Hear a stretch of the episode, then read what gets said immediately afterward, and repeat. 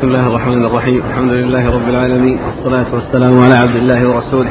نبينا محمد وعلى آله وصحبه أجمعين. أما بعد.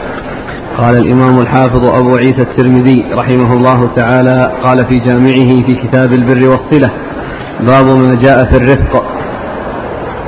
قال حدثنا ابن أبي عمر قال حدثنا سفيان بن عيينة عن عمرو بن دينار عن ابن أبي مليكة عن يعلى بن مملك عن أم الدرداء عن أبي الدرداء رضي الله عنه عن النبي صلى الله عليه وعلى آله وسلم أنه قال من أعطي حظه من الرفق فقد أعطي حظه من الخير ومن حرم حظه من الرفق فقد حرم حظه من الخير. قال أبو عيسى وفي الباب عن عائشة وجرير بن عبد الله وأبي هريرة رضي الله عنهم. وهذا حديث حسن صحيح. بسم الله الرحمن الرحيم. الحمد لله رب العالمين وصلى الله وسلم وبارك على ورسوله نبينا محمد وعلى آله وأصحابه أجمعين. أما بعد فيقول الإمام أبو عيسى الترمذي رحمه الله في جامعه باب في الرفق. الرفق هو اللين وهو ضد العنف والجفاء والقسوه والرفق في الأمور مطلوب. وجاءت الأحاديث الكثيرة في بيان تعظيم شأنه وأهميته. وأورد أبو عيسى هذا الحديث عن أبي الدرداء رضي الله عنه أن النبي صلى الله عليه وسلم قال من أعطي حظه من الرفق من أعطي الرفق فقد من أعطي حظه من الرفق فقد أعطي حظه من من الخير. أعطي حظه من الرفق فقد أعطي حظه من الخير. ومن حرم حظه من الرفق فقد حرم حظه من الخير. وهذا يدل على يعني عظيم شأن الرفق وأنه آه آه آه وأن شأنه عظيم. وقد قال الله عز وجل في نبيه صلى الله عليه وسلم رحمة من الله لنت لهم. ولو كنت فظا غليظ القلب لانفضوا من حولك. وجاءت الأحاديث الكثيرة عن النبي صلى الله عليه وسلم أنه ما كان الرفق في شيء إلا زانه وما نزع من شيء إلا شانه وغير ذلك من الأحاديث. والحديث يدل الذي أورده المصنف على بيان فضل الرفق وعلى الترغيب فيه وأن ما يقابله من الشدة والقسوة والعنف وأن من لم يوفق للرفق وابتلي بما يقابله فقد حرم حظه من الخير. نعم. قال حدثنا ابن أبي عمر. هو العدني وهو صدوق أخرج حديث مسلم والترمذي والنسائي بن ماجه. عن سفيان بن عيينة. وهو المكي ثقة أخرج أصحاب الكتب الستة. عن عمرو بن دينار. وهو ثقة أخرج أصحاب الكتب الستة. عن ابن أبي مليكة. وهو ثقة. وعبي- هو عبيد الله. عبد الله. عبد الله بن عبيد الله. وهو ثقة أخرج أصحاب الكتب الستة.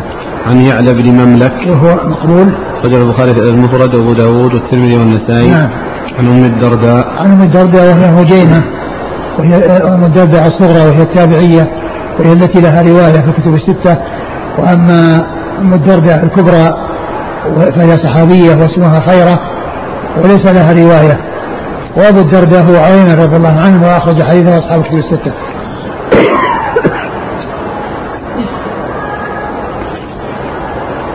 قال وفي الباب عن عائشة. عائشة أم المؤمنين رضي الله عنها وأرضاها. آه، هي ممن أكثر رواية عن رسول الله صلى الله عليه وسلم. وجرير بن عبد الله. جرير بن عبد الله البجلي أخرج له أصحاب الكتب الستة. وأبي هريرة. وأبو هريرة رضي الله عنه عبد الرحمن بن صخر أكثر الصحابة حديثا. قال رحمه الله تعالى باب ما جاء في دعوة المظلوم. قال حدثنا أبو كريب قال حدثنا وكي قال حدثنا وكيع عن زكريا بن إسحاق عن يحيى بن عبد الله بن صيفي عن أبي معبد عن ابن عباس رضي الله عنهما أن رسول الله صلى الله عليه وعلى آله وسلم بعث معاذ بن جبل إلى اليمن فقال اتق دعوة المظلوم فإنها ليس بينها وبين الله حجاب. قال أبو عيسى وفي الباب عن أنس وأبي هريرة وعبد الله بن عمر وأبي سعيد رضي الله عنهم. وهذا حديث حسن صحيح وأبو معبد اسمه نافذ. ثم أبو عيسى باب في دعوة المظلوم. ودعوة المظلوم كما جاء في هذا الحديث ليس بينها وبين الله حجاب. وهذا الحديث أو هذه الجملة من الحديث عن ابن عباس هي آخر حديث ابن عباس الذي جاء في الصحيحين وفي غيرهما في بعث معاذ إلى اليمن وأن وأن النبي صلى الله عليه وسلم رسم له الخطة التي يسير عليها في الدعوة إلى الله وأنه يبدأ بالأهم فالأهم. وذلك في قوله صلى الله عليه وسلم إنك تأتي قوم من أهل الكتاب فليكن أول ما تدعوهم إلى شهادة لا إله إلا الله وأن محمد رسول الله. فإنهم أجابوك لذلك فأعلمهم. أن الله فرض عليهم خمس صلوات في كل يوم وليلة. فإنهم أجابوك لذلك فأعلمهم أن الله فرض عليهم صدقة في أموالهم تؤخذ من أغنيائهم وترد على فقرائهم. فإنهم أجابوك لذلك فإياك وكرائم أموالهم واتق دعوة المظلوم فإنه ليس بينه وبين الله حجاب. أتى بها عقب أخذ كرائم الأموال. لأن أخذ كرائم الأموال ظلم لهم. وذلك أن الزكاة تخرج منها من الوسط. ليس من الرديء ولا من النفيس وإنما يكون من الوسط الذي بين هذا وهذا إلا أن يشاء صاحب الصدقة بأن يخرج نفيسا فإنه يقبل منه.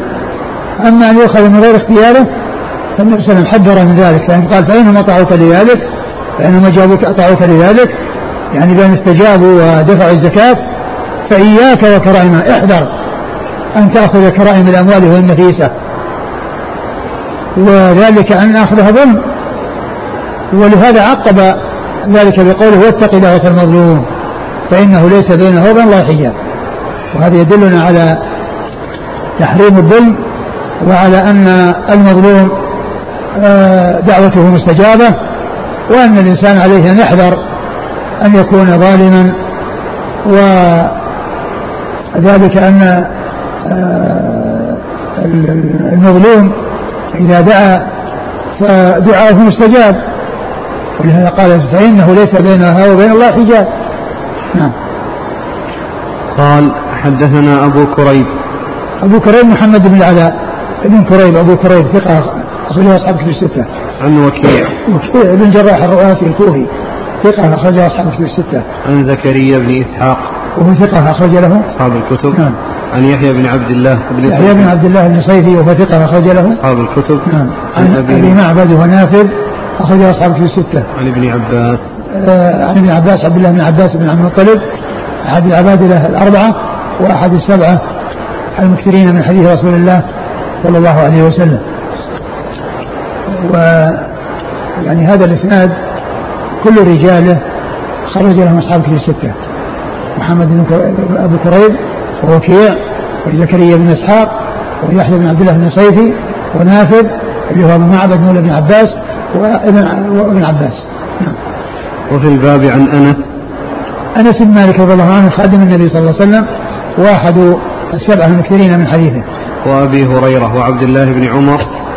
أبو هريرة مر ذكره عبد الله بن عمر أحد العبادلة وأحد السبعة المكثرين من حديث رسول الله صلى الله عليه وسلم. وأبي سعيد.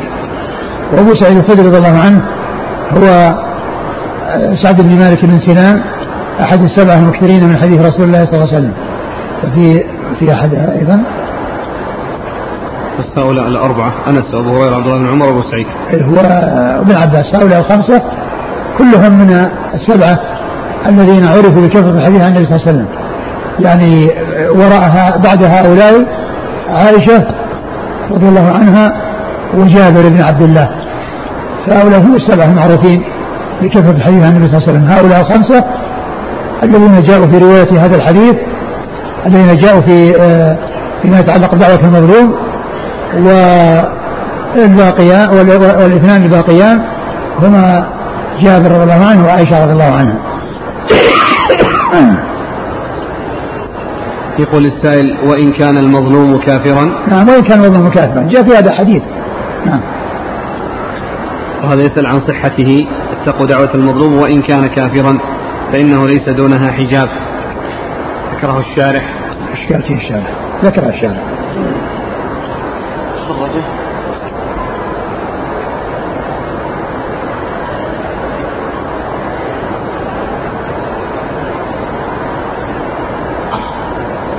يقول حديث أنس رجع أحمد في مسنده وأبو يعلى والضياء المقدسي عنه مرفوعا. اتقوا دعوة المظلوم وإن كان كافرا فإنه ليس دونها حجاب. قال المناوي في التيسير إسناده صحيح.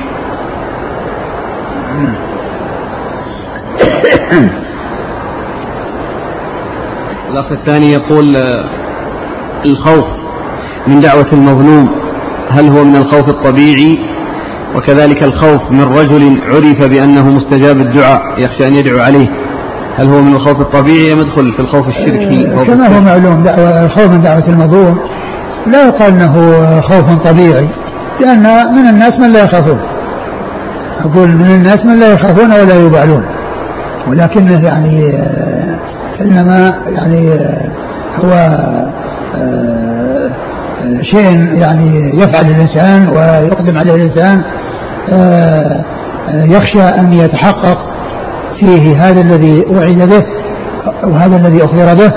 وأما قضية آه، هذا من الناس من من لا يخاف ولا يبالي. يقول ليس بينها وبين الله حجاب. هل هذا مجاز؟ معلوم أن أن الله عز وجل كما جاء في الحديث حجابه النور. والرسول صلى الله عليه وسلم يعني لما سئل رأيته؟ قال رأيت نورا. وقال أن أراه وجاء حجابه النور. ولكن المقصود من ذلك أنها مقبولة عند الله عز وجل. قال رحمه الله تعالى باب ما جاء في خلق النبي صلى الله عليه وعلى آله وسلم. قال حدثنا قتيبة قال حدثنا جعفر بن سليمان الضبعي عن ثابت عن أنس رضي الله عنه أنه قال خدمت النبي صلى الله عليه وعلى آله وسلم عشر سنين. فما قال لي أف قط وما قال لشيء صنعته لم صنعته ولا لشيء تركته لم تركته. وكان رسول الله صلى الله عليه وعلى آله وسلم من أحسن الناس خلقا. ولا مسست خزا قط ولا حريرا ولا شيئا كان ألين من كف رسول الله صلى الله عليه وسلم. ولا شممت مسكا قط ولا عطرا كان أطيب من عرق النبي صلى الله عليه وآله وسلم. قال أبو عيسى وفي الباب عن عائشة والبراء رضي الله عنهما وهذا حديث حسن صحيح. ثم أبو عيسى باب خلق النبي صلى الله عليه وسلم. النبي عليه الصلاة والسلام أتي أتى عليه السلام ليتم مكارم الأخلاق وهو عليه الصلاة والسلام الذي أعطاه الله من من مكارم الأخلاق أعلاها وأوفاها عليه الصلاة والسلام. وكان أكمل الناس خلقا. وهو وقد وقد جاء عنه من قوله وفعله. يعني الحث على الأخلاق حث عليها بفعله بكونه يعني متصف بأكمل الأخلاق وهو القدوة والأسوة وبقوله في الأحاديث الكثيرة التي يحث فيها على الأخذ بمكارم الأخلاق والمعاملة بالأخلاق الحسنة وخالق الناس بخلق حسن كما جاء في يعني في, في بعض الأحاديث. أتقى ما من تقوى الله وحسن الخلق واتق الله حيثما كنت وأتي الحسن سمحه وخالق الناس بخلق حسن. فكان عليه السلام داعيا إلى مكارم الأخلاق بفعله لأنه آه، له من الأخلاق أكملها وأوفاها وهو القدوة والأسوة وكذلك أيضا بأقواله صلوات الله وسلامه وبركاته عليه. ومن ذلك ما جاء في حديث عن أنس بن مالك رضي الله عنه خادمه قال خدمت النبي صلى الله عليه وسلم عشر سنين. ف ف ف خدمت النبي صلى الله عليه وسلم عشر سنين فما قال لي أف قط. نعم. وما قال لشيء صنعته لما صنعته. يعني يعني لكونه خدمه هذه المدة يبين طريقة تعامله معه وأنه يعني من أحسن الناس خلقا عليه الصلاة والسلام وأنه ما كان يقول له أف يوم من الأيام وكذلك أيضا ما كان يعاتبه في شيء فعله لما فعلته في شيء لم يفعله لما لم تفعله. ومعلوم أن هذا فيما يتعلق في الأمور الخاصة. وأما يعني ما يتعلق بالدين وما إلى ذلك فلا يقال إنه يعني لا ينبهه أو لا يعني يوجهه وإنما كان هذا في التعامل في الأمور التي هي تتعلق بخدمته وبتعامله معه عليه الصلاة والسلام. نعم. ثم قال وما وما وما ك وكان وكان الرسول صلى الله عليه وسلم من أحسن الناس خلقا. نعم. ولا مسست خزا قط ولا حريرا ولا شيئا كان ألين من كف رسول الله صلى الله عليه وسلم. بل هو عليه السلام أكبر الناس خلقا عليه الصلاة والسلام. وقال وما وما وما, وما مسست خزا ولا حريرا ألين من كف رسول الله صلى الله عليه وسلم. والخز قيل إنه يعني نوع من الحرير وقيل إنه يعني آه ليس بحرير ولكنه شيء معروف بالنعومة واللين. وكذلك قوله أيضا وما شممت مسكا ولا عطرا أطيب آه، من عرق رسول الله صلى الله عليه وسلم. نعم.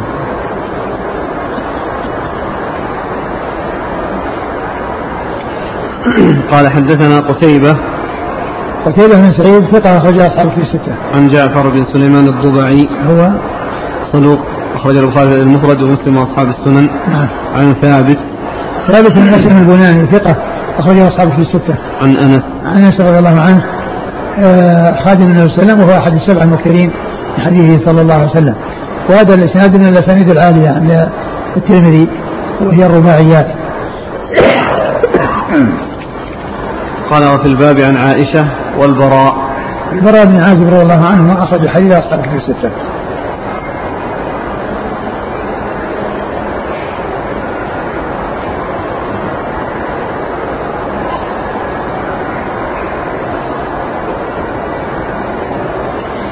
هذه فائدة عنونها أخونا أدب الأصمعي مع قول أنس ما مسست حريرا ألين من كفه صلى الله عليه وسلم الفائدة من فتح الباري للحافظ بن حجر الجزء العاشر كتاب اللباس.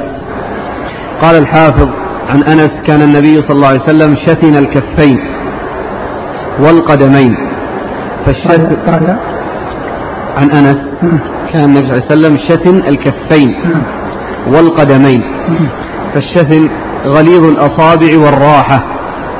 قال ابن بطال كانت كفه ممتلئة لحما غير أنها مع ضخامتها كانت لينة.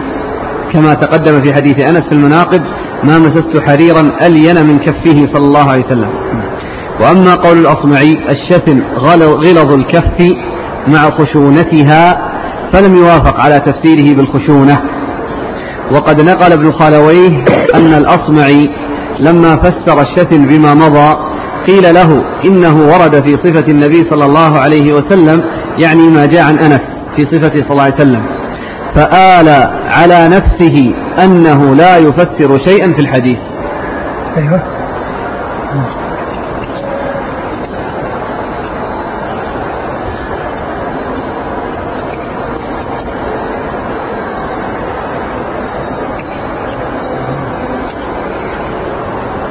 الأصمعي هو هو من هو من الأربعة الذي ذكرهم الحافظ بن حجر. أنهم من علماء اللغة ومن أهل السنة وأن أكثر اللغويين يعني كانوا في البصرة ومدينة الكوفة كانوا يعني يعني ليسوا على عقيدة أهل السنة والجماعة وعلى طريقة أهل السنة والجماعة ولكنه ذكر أربعة الذين ذكرهم يعني نسبة إلى بعض العلماء أنهم قال إن أنهم كانوا يعني سنيين وأنهم على السنة وفيهم الأصمعي هذا. يقول السائل أليس في حديث أنس إشارة إلى الرفق في مصافحة الإخوان لبعضهم البعض؟ ولا يكون كما سماها قال بطريقة الطقطقة بين اليدين. حديث أنس هذا؟ إيه. يعني ما مسست خزا ولا ألين من كف الرسول صلى الله عليه وسلم. ففيها يعني طبعا ما فيه يعني هو طبعا هو هو هو خادمه طبعا يصافحه ويلمسه يعني أو يناوله أشياء فيعني قضية يعني آه، السلام والمصافحه جاء فيها حديث ما ما يحتاج إلى أنه يعني آه، يؤتى بشيء آه، غير يعني واضح. يعني فيه فيه نصوص واضحة في المصافحة. أقول النصوص واضحة في المصافحة. وجه إدخال هذا الحديث في كتاب البر والصلة. لأنها كما هو معلوم يعني مكارم الأخلاق يعني كثير من مكارم الأخلاق يعني موجودة في هذا. وبعدين كما عرفنا البر والصلة يعني البر بالوالدين وصلة الأرحام هذا هو هو, هو أصل الترجمة. ولكن جاء أبواب كثيرة أكثر الأبواب التي في البر والصلة ليست تتعلق بالوالدين ولا بصلة الأرحام. لا تتعلق بالوالدين ولا بصلة الأرحام. وهذا يعني سائر يعني واقع موجود عند المحدثين بكثرة يعني تجده يعني يذكر كتاب ثم يأتي بأشياء ليست داخلة في عنوان الكتاب اللي هو بر الوالدين وصلة الأرحام كما هنا مثل ما في البخاري البخاري أتى بكتاب الأذان ثم أتى بأبواب كثيرة تتعلق بالصلاة وما يقرأ به الصلاة في كتاب الأذان. وكذلك مسلم في كتاب السلام أتى فيه بأبواب كثيرة تتعلق بالطب. والترمذي في أول هذا الكتاب يعني قال كتاب المواقيت مواقيت الصلاة. وكل ما يتعلق بالصلاة دخل تحت هذا الكتاب. كل ما يتعلق بالصلاة من أولها إلى آخرها كله تحت كتاب مواقيت الصلاة. فتجد يعني أحيانا يذكرون الترجمة آه، وتكون يعني مشتملة على أي أول شيء فيه. مشتملة على أول شيء فيه ثم يأتي أشياء يعني تبعا. وبعض المؤلفين تجد يقول كتاب كذا وغيره. مثل الدار مثل الدار قطني في كتاب السنن فإنه في بعض يقول كتاب الحدود كتاب كذا والديات وغير وغيرها. تجده يعني يأتي بعبارات بعبارة تدل على آه، الزيادة وبعضهم يعني لا يذكر الإشارة كلمة غيره ولكن بالرجوع إليه وبالاطلاع على آه، الأبواب التي تحته آه، يعني تبين أنها ليست مطابقة للترجمة تماما. سؤالان في معنى أن هذا الحديث أو ما جاء من خلق النبي صلى الله عليه وسلم هل هذا عام حتى مثلا مع الأبناء؟ كيف يكون تربية إذا لم يكن لشيء فعله لما فعلته لشيء تركه لما تركته؟ آه آه الشيء الذي يعني الشيء الذي في مصلحة للأبناء يعني من ناحية آه، يعني تربيتهم يعني إذا كان الإنسان يعني لو تركهم لو تركهم يمكن أنهم يعني يحصل منهم أشياء يعني لا تحمد عقباها بأن يسترسلوا. فإذا يعني نبههم وذكرهم أو أما الاستقصاء والإلحاف وكونه يعني لا يتسامح ولا يغض البصر والنظر هذا ما يصلح. ولكن كونه يعني يترك الحدث على الغالب يعني هذا قد يعني يجعل الأبناء يسترسلون.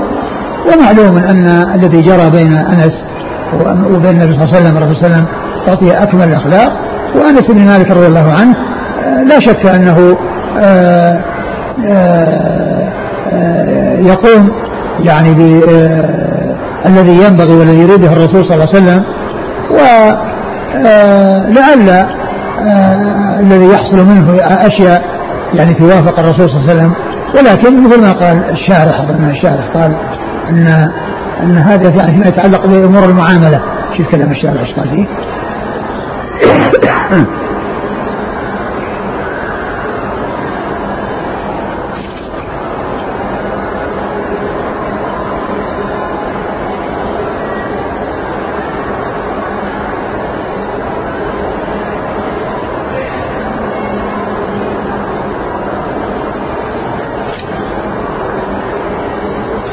يقول واعلم أن ترك اعتراض النبي صلى الله عليه وسلم على أنس رضي الله تعالى عنه فيما خالف أمره إنما يفرض فيما يتعلق بالخدمة والآداب لا فيما يتعلق بالتكاليف الشرعية فإنه لا يجوز ترك الاعتراض فيه.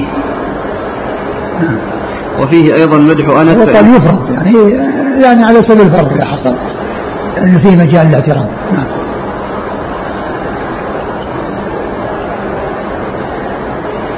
قال حدثنا محمد. حاصل إن المعاملة يعني معاملة الأولاد يكون فيها الاعتدال والتوسط فلا يكون فيه إغلاظ ويعني عدم مسامحة وصفح وإنما يكون يعني متابعة في كل شيء ولا يكون يعني إهمال وكون الطفل ينشأ ويتعود يعني المخالفات بحيث يعني لا يبالي ويكون ذلك عادة سيئة له يعني يكون فيه يعني التوجيه وإرشاد وعدم محاسبة يعني في كل شيء وعدم إهمال. نعم.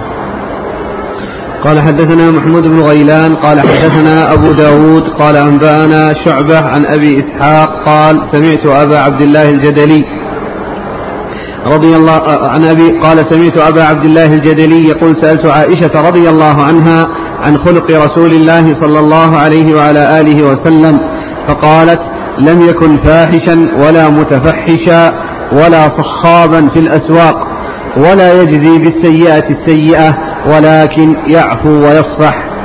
قال أبو عيسى هذا حديث حسن صحيح. وأبو عبد الله الجدلي اسمه عبد بن عبد ويقال عبد الرحمن بن عبد. ثم روى أبو عيسى حديث عائشة رضي الله عنها أن النبي صلى الله عليه وسلم لم يكن فاحشا سئلت عن خلق الرسول صلى الله عليه وسلم. قد لم يكن فاحشا ولا متفحشا. والفاحش هو الذي يعني يكون عنده يعني سوء في أقواله وفي أفعاله.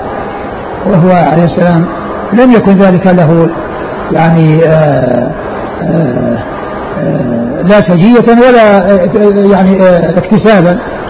وإنما يعني كان كان على أحسن الأخلاق وأحسنها وأكملها فلم يكن فاحشا ولا متفحشا.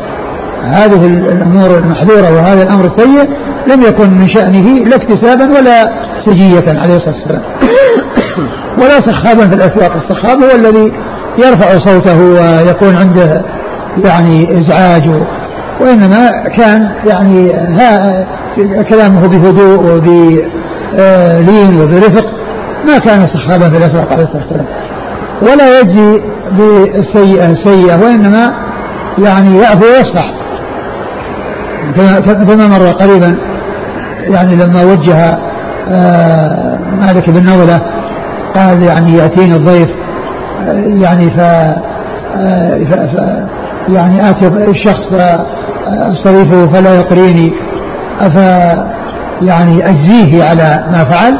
قال لا أقره يعني مو معنى إذا ما أعطاك القراء أنك لا تعامله بأن لا تقريه بل أقره فكان عليه الصلاة والسلام يجزي بالسيئة الحسنة. والله عز وجل يقول ادفع بالتي هي أحسن فإذا الذي بينك وبينه عداوة كأنه ولي حميم وما يلقاها الذين صبروا وما يلقاها إلا ذو حظ عظيم. وش بعدها؟ ولكن يعفو ويصفح. ولكن يعفو ويصفح. يعني إذا أسيء إليه فإنه لا ينتقم ولا يؤاخذ ولا يجازي الذي فعل به بمثل ما فعل وإنما يعفو ويصفح ويتجاوز. صلوات الله وسلامه وبركاته عليه. قال حدثنا محمود بن غيلان. هو ثقة أخرجه أصحابه في الستة إلا أبا داود. عن أبي داود. أبو داود الطيالسي ثقة أخرجه البخاري تعليقا ومسلم وأصحاب السنن عن شعبة. شعبة بن الحجاج الواسطي ثم البصري ثقة. أخرجه أصحابه في الستة. عن أبي إسحاق. هو عمرو بن عبد الله الهمداني السبيعي ثقة أخرجه أصحابه في الستة. عن أبي عبد الله الجدلي. وهو عبد بن عبد عبد الرحمن بن عبد وهو ثقة أخرج له. أبو داود والترمذي والنسائي. نعم. عن عائشة. نعم. يقول الأخ ما الفرق بين العفو والصفح؟ يعني الصفح آه، يعني كأنه الإعراض يعني عن الشيء. الذي يعني آه، كونه يعرض عنه يعني فلا يقابله. هو معنى متقارب لكن العفو يعني معنى واسع. والصفح الصفح يعني كونه يعني آه، يعرض عن الشيء الذي يعني حصل من الإنسان فلا يعني يقابل عليه. هما معناهما واحد لكن يبدو أن العفو أوسع. أسئلة فيما يتعلق لما قال صخاب بالأسواق. من يعني التاجر أو من يبيع ربما رفع صوته ونادى على سلعته. هل هذا يدخل في لا المنادات المنادات يعني في سوق من يزيد وفي سوق الحراج. ما فيها بأس لأن الأمر يتطلبه وإنما يعني المقصود من ذلك ما يحصل من سوء خلق.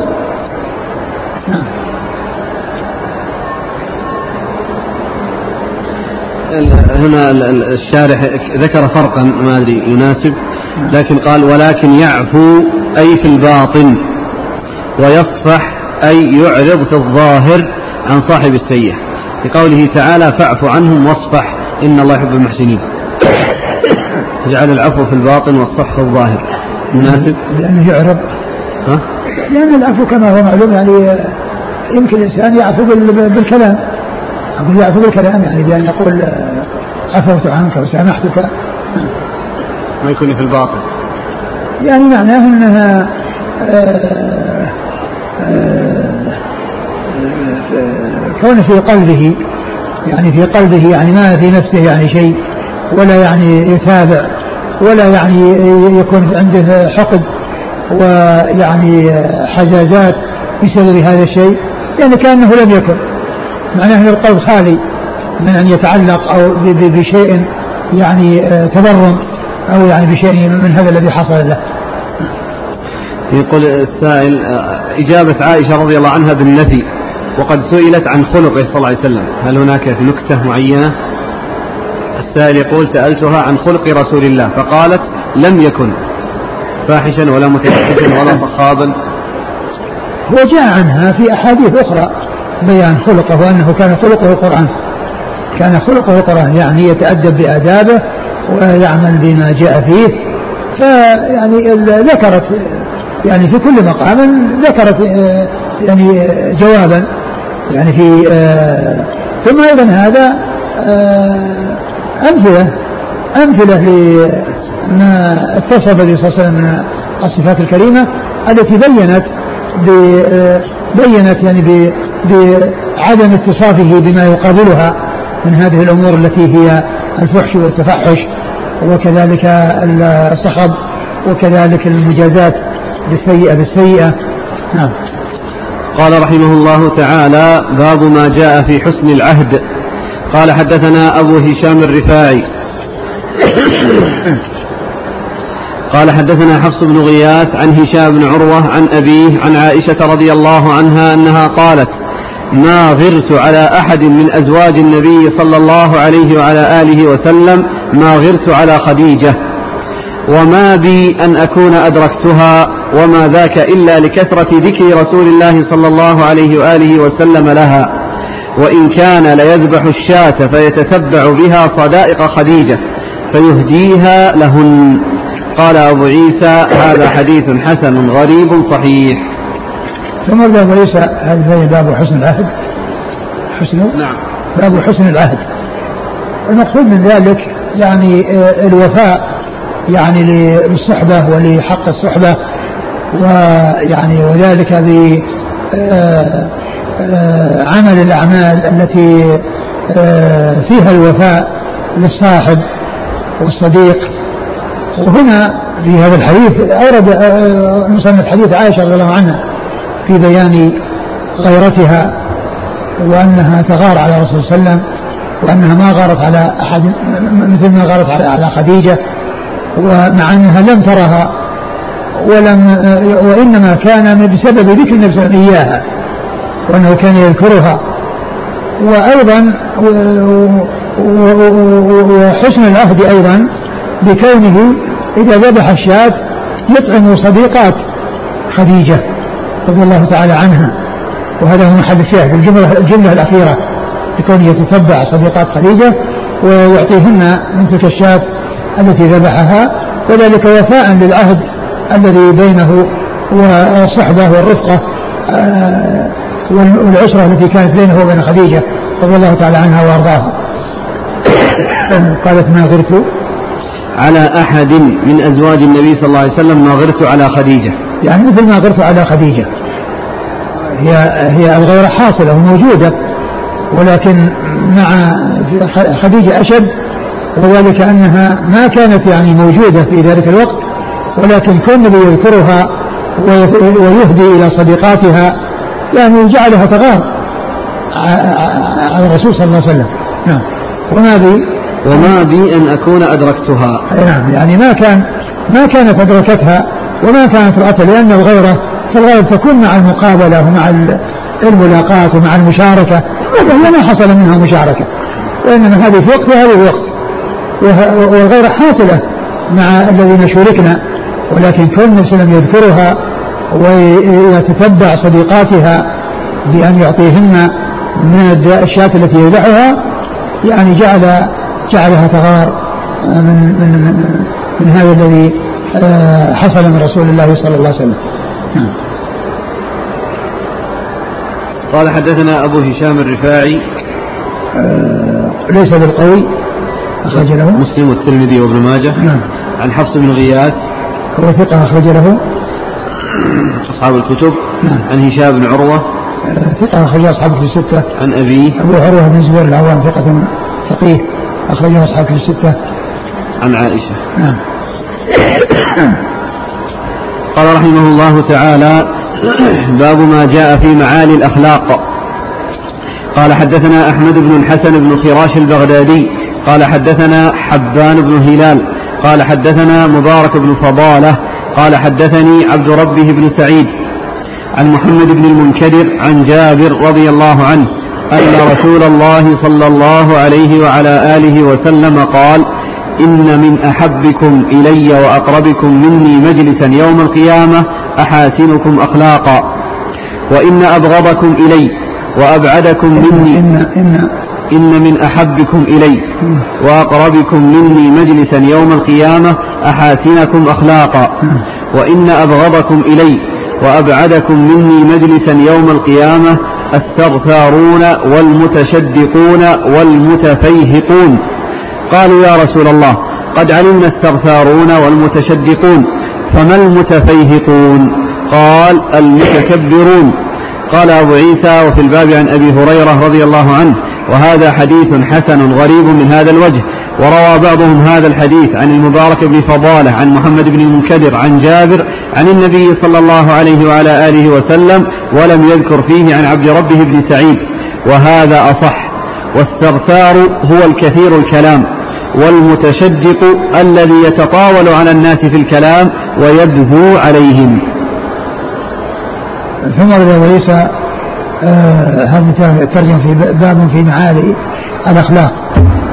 يعني معالي الأخلاق يعني أعلاها وأتمها وأوفاها. وقد روى أبو عيسى حديث عائشة. جابر. حديث جابر رضي الله عنه. قال إن من أحبكم إلي وأقربكم مني منزلة يوم القيامة. أحاسن أحاسنكم أخلاقا. وإن من أبغضكم إلي وأبعدكم مني منزلة الثرثارون إيش؟ المتشدقون المتشدقون والمتفيهقون. والمتفيهقون. قالوا قد عرفنا الثرثارين والمتشدقين قال المتفيهقون؟ قال المتكبرون. هذا الحديث يعني ترجمة معالي الأخلاق. و أورد الحديث تحت هذا أن قوله إن من أحبكم إلي وأقربكم مني منزلة يوم القيامة. وهذا يدل على يعني أن أحاسن الأخلاق ومعالي الأخلاق أنها تورث المحبة في الدنيا وعلو منزلة في الدار الآخرة.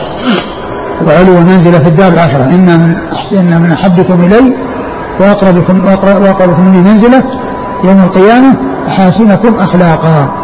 فهذا يدل على عظم شأن الأخلاق وعلى فضل حسن الخلق وأن صاحبه يصل إلى الدرجات الرفيعة. وقد مر في الأحاديث أنه يبلغ درجة الصائم القائم. فهذا يدل على فضل حسن الخلق. ومعلوم أن النبي صلى الله عليه وسلم كان يعني كثيرا يعني ما يأتي عنه في الأحاديث الحث على مكارم الأخلاق وعلى حسن الخلق والتحذير من سيء الأخلاق ومن سوء الخلق و آه، وفي مقابل ذلك أن من أبغض آه، ما يكون في المنزلة في الدنيا أبغض في الدنيا وأبعد منزلة يوم القيامة الثرثارون المتشدقون المتفيهقون. والثرثار هو كثير الكلام. والمتشدق هو الذي يعني آه قال إنه يتطاول على الناس في الكلام وقيل إنه هو الذي يعني آه يتكلم بتكلف يعني حتى يعني آه يعني يميل شدقه أو يعني يتسع شدقه بسبب التكلف. والمتفوق هو المتكبر. نعم شوف الشارع ذكر فروق. إيش؟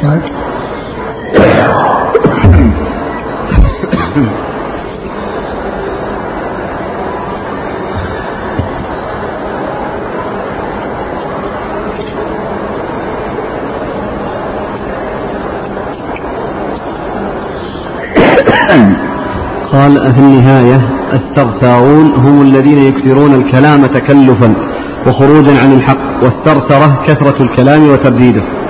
والمتشدقون. قال في النهاية المتشدقون هم المتوسعون في الكلام من غير احتياط واحتراز وقيل أراد بالمتشدق المستهزئ بالناس يلوي شدقه بهم وعليهم.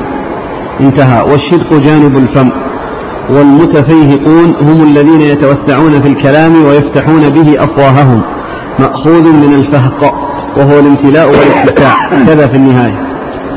قيل وهذا من الكبر والرعونة.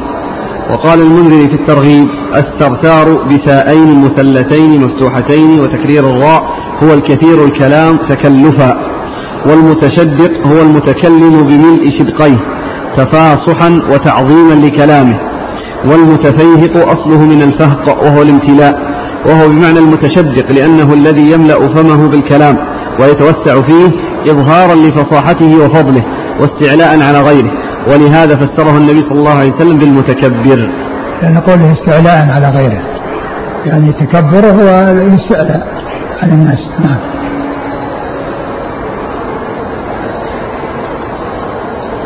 قال حدثنا أحمد بن الحسن بن خراش البغدادي. أحمد بن حسن الخراش هو؟ صدوق غير مسلم والترمذي. نعم. عن حبان بن هلال. وهو ثقة خرج أصحاب الستر وحبان فتح الحاء وهو الوحيد الذي يعني فتح الحاء ومن سواه بكسر الحاء حبان الذين يأتون في الكتب الستة يعني بهذا اللفظ كلهم حبان بكسر الحاء. إلا هذا الرجل فهو حبان فتح الحاء.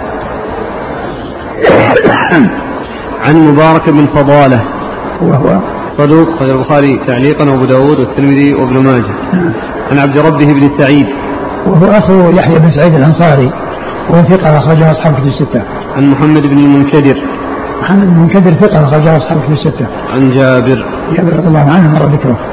وروى بعضهم هذا الحديث عن المبارك بن فضالة عن محمد بن المنكدر عن جابر عن النبي صلى الله عليه وسلم لم يذكر فيه عن عبد ربه بن سعيد وهذا أصح. وقد قيل أن أن من هو الذي يروي عن عبد ربه؟ مبارك بن فضالة. مبارك بن فضالة. روى عن عن عبد ربه وروى عن محمد بن المنكدر محمد بن المنكدر روى عن هذا وعن هذا.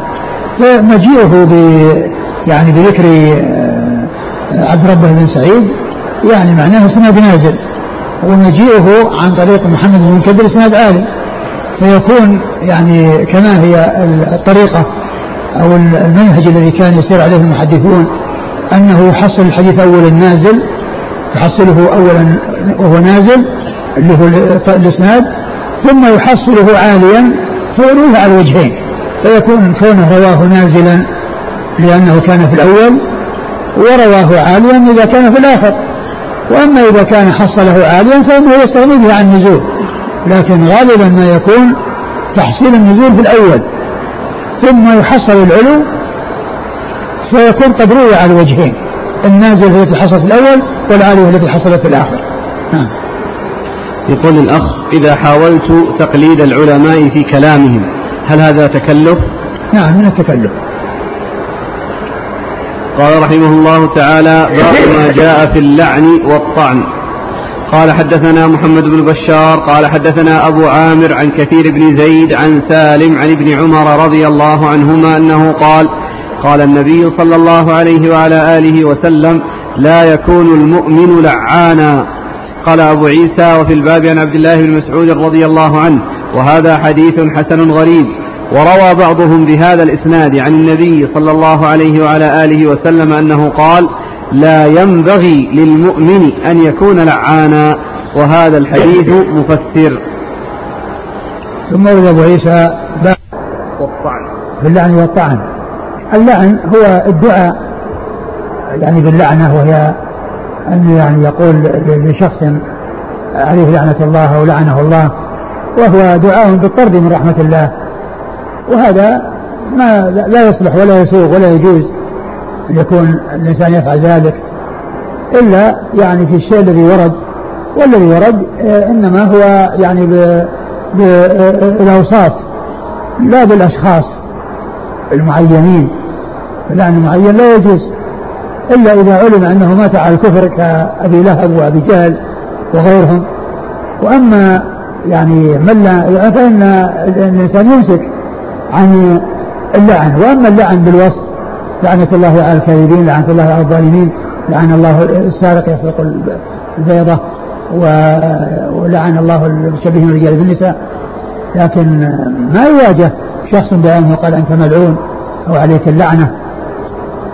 آه، والطعن هو كذلك الطعن في يعني القدح والعيب والذم ومنه الطعن في الأنساب يعني والكلام فيها لأن في ذلك إساءة يعني لمن تكلم فيه.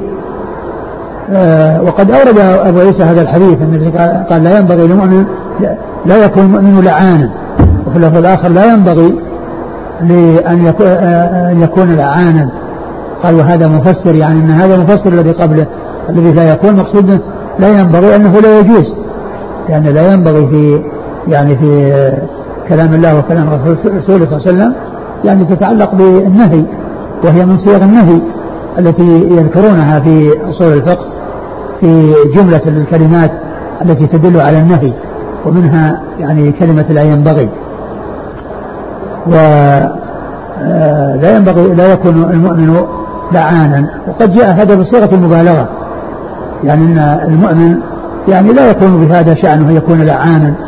وأما وهذا يفيد بأن من حصل منه يعني في بعض الأحيان وشيء من النادر أن هذا يعني لا يدخل تحت هذا الحديث. لأن هذا إنما جاء في المبالغة. وإذا حصل من الإنسان أنه حصل منه في بعض الأحيان أو شيء شيء نادر فإن هذا يعني يكون مما لا يدخل تحت هذا الحديث. نعم. قال حدثنا محمد بن بشار. هو الملقب بن دار ثقة. أخرج أصحاب كتب الستة وهو شيخ أصحاب كتب الستة. عن أبي عامر. أبو عامر العقدي وهو عبد الملك. بن عمرو. بن عمرو وهو صدوق. أخرجه أصحاب كتب الستة. ثقة أخرج أصحاب ثقة أخرج أصحاب كتب الستة. عن كثير بن زيد. وهو؟ صدوق يخطئ أخرج البخاري في القراءة وأبو داود والترمذي بن ماجه. نعم. عن سالم. سالم بن عبد الله بن عمر وهو أحد فقهاء المدينة السبعة على أحد الأقوال الثلاثة السابع منهم وحديثه أخرجه أصحاب في الستة. وأبوه عبد الله بن عمر رضي الله تعالى عنهما أحد العبادلة من الصحابة وأحد السبع المكثرين من حديث النبي صلى الله عليه وسلم. قال في الباب عن عبد الله بن مسعود. عبد الله بن مسعود أخرج له أصحاب في الستة.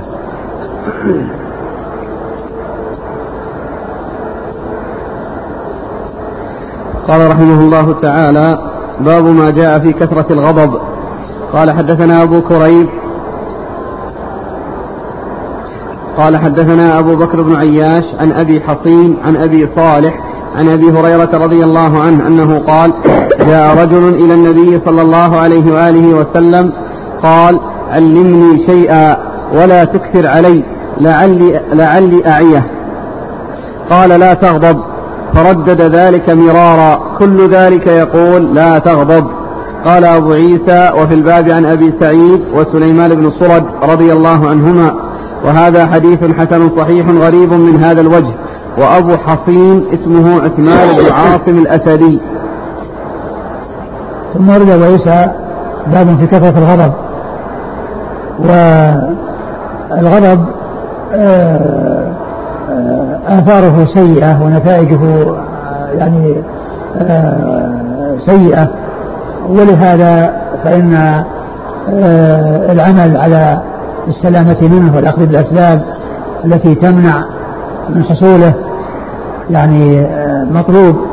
وذلك لما يتدارك من الوقوع في أمور لا تسوق ولا تجوز لأن كثيرا من من, من الأمور الضارة ومن الأمور السيئة تحصل بسبب الغضب تحصل بسبب الغضب. وكثير من من مما يحصل من آه، آه، عقوق الوالدين ومن آه، قطع الأرحام ومن سوء العشرة بين الأزواج وما إلى ذلك كل ذلك نتيجة للغضب. كل ذلك نتيجة للغضب.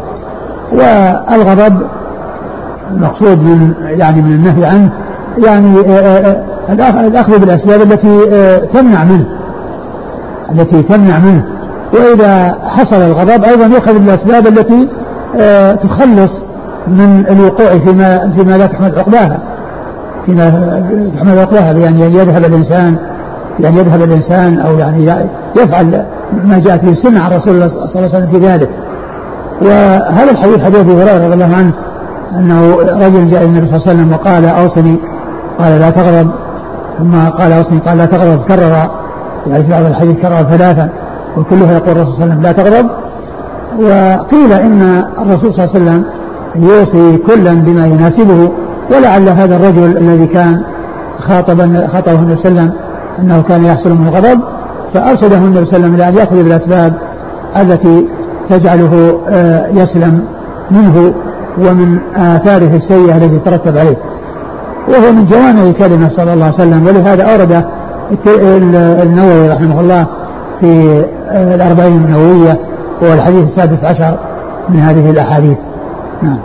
قال حدثنا أبو كريب عن أبي بكر بن عياش. أبو بكر بن عياش ثقة أخرجه البخاري ومسلم في المقدمة وأصحاب السنة عن أبي حصين.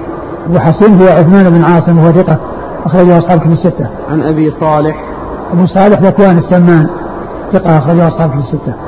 عن أبي هريرة وفي الباب عن أبي سعيد وسليمان بن صرد. سليمان بن صرد أخرجه أصحاب كتب الستة قال رحمه الله تعالى باب في كظم الغيظ. قال حدثنا عباس الدوري وغير واحد. قالوا حدثنا عبد الله بن يزيد المقرئ. قال حدثنا سعيد بن أبي أيوب. قال حدثني أبو مرحوم عبد الرحيم بن ميمون عن سهل بن معاذ بن أنس الجهني عن أبيه رضي الله عنه عن النبي صلى الله عليه وعلى آله وسلم أنه قال من كظم غيظا وهو يستطيع أن ينفذه دعاه الله يوم القيامة على رؤوس الخلائق حتى يخيره في أي الحور شاء. قال هذا حديث حسن غريب. قال حدثنا عباس الدوري وغير واحد. قالوا حدثنا عبد الله بن يزيد المقرئ. قال حدثنا سعيد بن أبي أيوب. قال حدثني أبو مرحوم عبد الرحيم بن ميمون عن سهل بن معاذ بن أنس الجهني عن أبيه رضي الله عنه. ثم أورد أبو عيسى باب في كظم الغيظ. باب في كظم الغيظ.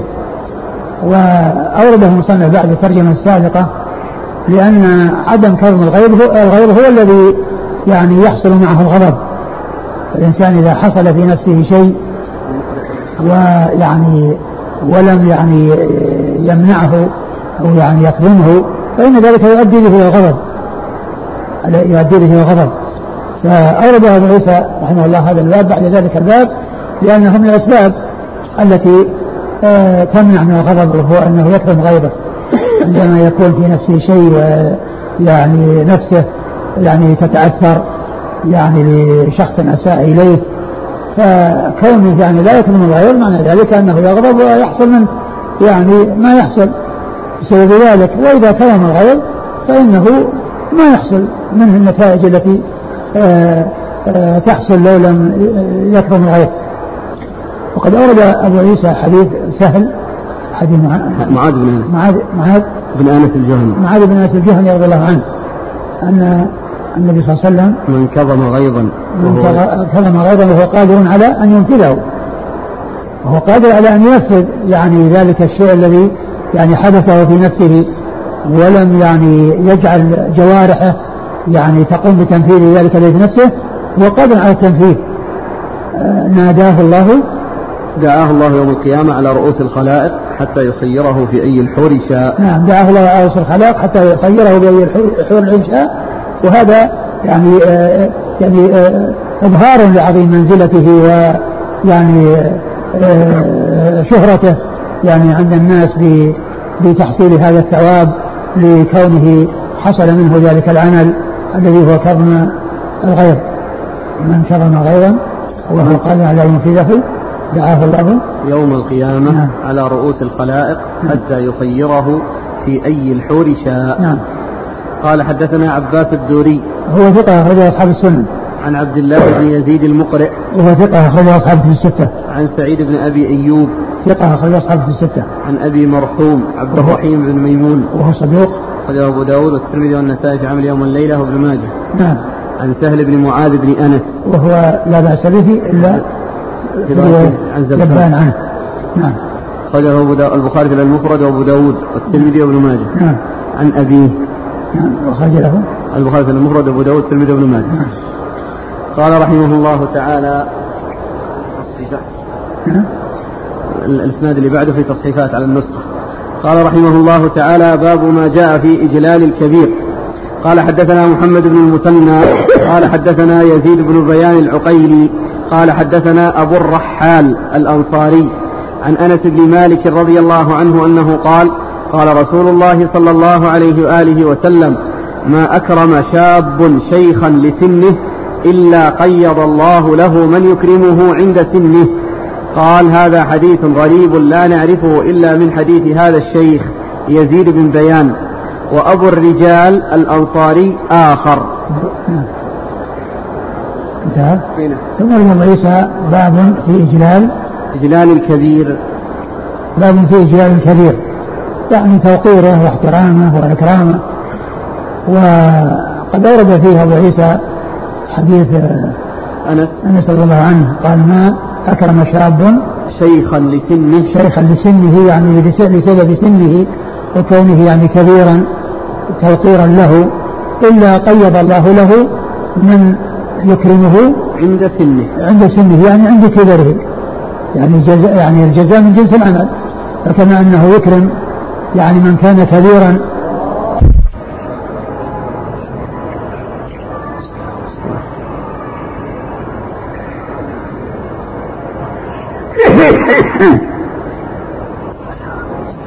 والحديث فيه يعني بيان فضل توقير الكبير والحديث في إسناده رجلان ضعيفان وهو غير ثابت لكن جاء حديث تدل على توقير الكبار ورحمة الصغار والحديث بهذا اللفظ يعني بهذا الإسناد فيه رجلان ضعيفان. نعم. قال حدثنا محمد بن المثنى. محمد بن المثنى العنزي أبو موسى الملقب بالزمن ثقة أخرجها أصحاب الكتب الستة وهو شيخ أصحاب الكتب الستة. عن يزيد بن بيان العقيلي. وهذا ضعيف أخرج له. الترمذي. نعم. عن أبي الرحال الأنصاري. وأبي الرحال الأنصاري أيضا ضعيف أخرج له الترمذي. وهو يعني آه بالحاء وهو بالحاء المشددة المفتوحة وقد ذكر وقد جاء مصحفا في الاسناد أو ابو الرجال والترمذي رحمه الله قال أبو الرجال الأنصاري آخر. وهذا من قبيل المؤتلف والمختلف يعني المتشابه لأن الرحال والرجال يعني رسمها واحد إلا أن الفرق فيها بالنقط والشكل. فالرحال يعني ليس فيها يعني نقد. والرجال والراء يعني مفتوحة في الرحال وفي الرجال مكسورة مع التشديد فيهما جميعا. فهو يعني مشتبه هو أسماء متشابهة وهو يسمى أيضا المؤتلف والمختلف. تتفق الأسماء في الرسم وتختلف في الشكل والنقد. وهنا في اختلاف في الشكل والنقد. لأن الرحال يعني غير الرجال من ناحية الشكل الرسم والشكل. يعني من ناحية الشكل لأن يعني الراء مشددة مفتوحة وهذه مكسورة. والحاء مشددة وهذه الجيم مكسورة. و ولطريقة التلميذ رحمه الله أنه عندما يأتي المشتبه يذكر يعني من يشبهه. فقال وأبو الرجال الأنصاري آخر. هذا أبو الرحال الأنصاري وهذا أبو الرجال. وأبو الرجال الأنصاري ثقة وهو محمد بن عبد الرحمن ابن حارثة الأنصاري وهو ابن عمرة بنت عبد الرحمن التي أكثرت الرواية عن عائشة. ويقال له أبو الرجال ليس كنية كنية أبو عبد الرحمن ولكنه لقب إلا لأن له كان أولاد رجال فكان يقال له أبو الرجال عن أنس. عن أنس رضي الله عنه وقد مر ذكره هذا رباعي ولكن الاثنان اللي في الوسط ضعيفان.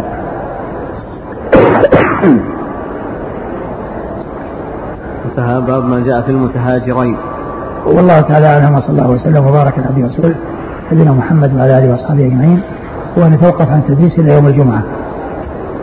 جزاكم الله خيرا. وبارك الله فيكم. نفعنا الله بما سمعنا وغفر الله لنا ولكم وللمسلمين أجمعين. أحسن الله إليك. جاءت أحاديث متكررة في هذه الليالي عن حديث إذا انتصف شعبان فلا تصوموا. صحة الحديث أولا والكلام عليه من حيث الحديث صحيح. المقصود من ذلك أن الإنسان يترك الصيام في أول الشهر وإذا انتصف بدأ يصوم احتياطا لرمضان. وأما إذا كان يعني يصوم أول الشهر فلا مانع أن يصوم بعده. فلا, فلا مانع يصوم بعده لكن لا يصوم يوم الشك يعني لا يصوم آخر الشهر. وأما كون الإنسان يعني يترك الصيام أول الشهر وإذا انتصف بدأ يصوم فهذا هو الذي جاء الحديث يعني في يعني في في منعه والنهي عنه. وإذا كان صام من أول الشهر فلا بأس أن يزيد وأن يصوم يعني شيئا من مما بعد النصف. لكن لا يصوم يعني الشك. يعني لا يتقدم رمضان بيوم أو يومين إلا رجل كان يصوم صوم فليصوم كما جاء في الحديث. نعم. يقول ما هو السبيل الأمثل لاكتساب الأخلاق الفاضلة؟ آه السبيل الأمثل أو من من أمثل ما يكون في ذلك آه الاكثار من من يعني الاشتغال بالقران والعنايه به ويعني الوقوف على ما فيه من من الأخلاق والحث عليها ومساوئ الاخلاق والتحذير منها وكذلك آه، الوقوف على سيرة الرسول صلى الله عليه وسلم ويعني ما شمل شمل ما جبله الله عليه واختص به من الأخلاق الكريمة وهو قدوة والأسوة عليه الصلاة والسلام وكذلك قراءة يعني آه، مثل يعني الكتب التي فيها بيان أخلاقه مثل شمائل الترمذي وكذلك ما ما يأتي في الكتب الستة من الأبواب التي تتعلق بأخلاقه صلى الله عليه وسلم. ثم أيضا كذلك معرفة يعني آآ آه، آآ آه، سير أو اطلاع على سير السلف الصالح الذين يعني آه، اتصلوا بالأخلاق الكريمة. فإن هذا من أعظم الأسباب التي تجعل الإنسان يعني آه، ينتفع آه، بما يسمعه وبما يقرأه. يعني من ما جاء في القرآن وما جاء في السنة وما جاء في سير سلف هذه الأمة من الصحابة ومن سار على نهجهم وعلى طريقتهم. نعم. الأخ يفيد بأن حديث اتق دعوة المظلوم وإن كان كافرا فإنه ليس دون حجاب. أنه ذكره الشيخ الألباني في السلسلة الصحيحة برقم 767 وهو كذلك في صحيح الجامع. يقول السائل هل إهدار الحقوق الشخصية؟ هل إهدار الحقوق الشخصية في التعامل مع الإخوان على حساب الراحة الشخصية لدرجة كبيرة؟ على حساب؟ على حساب الراحة الشخصية. إيش؟ الراحة. هل هل؟ إهدار الحقوق الشخصية في التعامل مع الإخوان على حساب الراحة الشخصية لدرجة كبيرة. هل هذا محمود ويعد من مكارم الأخلاق أم أن فيه مبالغة؟ والله لا شك الإنسان أن يكون يتجاوز عن حقوقه ويصنع عن حقوقه هذا شيء محمود. أقول هذا شيء محمود. ثم أيضا يعني كونه يفعل ذلك يرجو ثواب الله. يرجو ثواب الله. ما هو يعني يعني يريد يعني حظوظ دنيوية وما إلى ذلك وراحة وإنما يحصل يريد أن يحصل الثواب من الله سبحانه وتعالى. هذا هو الذي يكون محمودا. هل يشرع لي أن أعاتب شخصا عفى عن حقه وتنازل ما أن حالته المادية لا تساعده على العفو والصفح؟ هل هل يشرع لي أن أعاتب شخصا عفى عن حقه وتنازل ما أن حالته المادية لا تساعده على العفو والصفح؟ لا لا تعاتبه. أقول لا تعاتبه. أحسن أحسن الله. هو قد أحسن. ويعني ومن أحسن أحسن الله إليه وهل جزاء الإحسان. إلى الإحسان. يقول ألا يمكن أن يكون المقصود بكلمة البر في تبويب الترمذي أي المعروف؟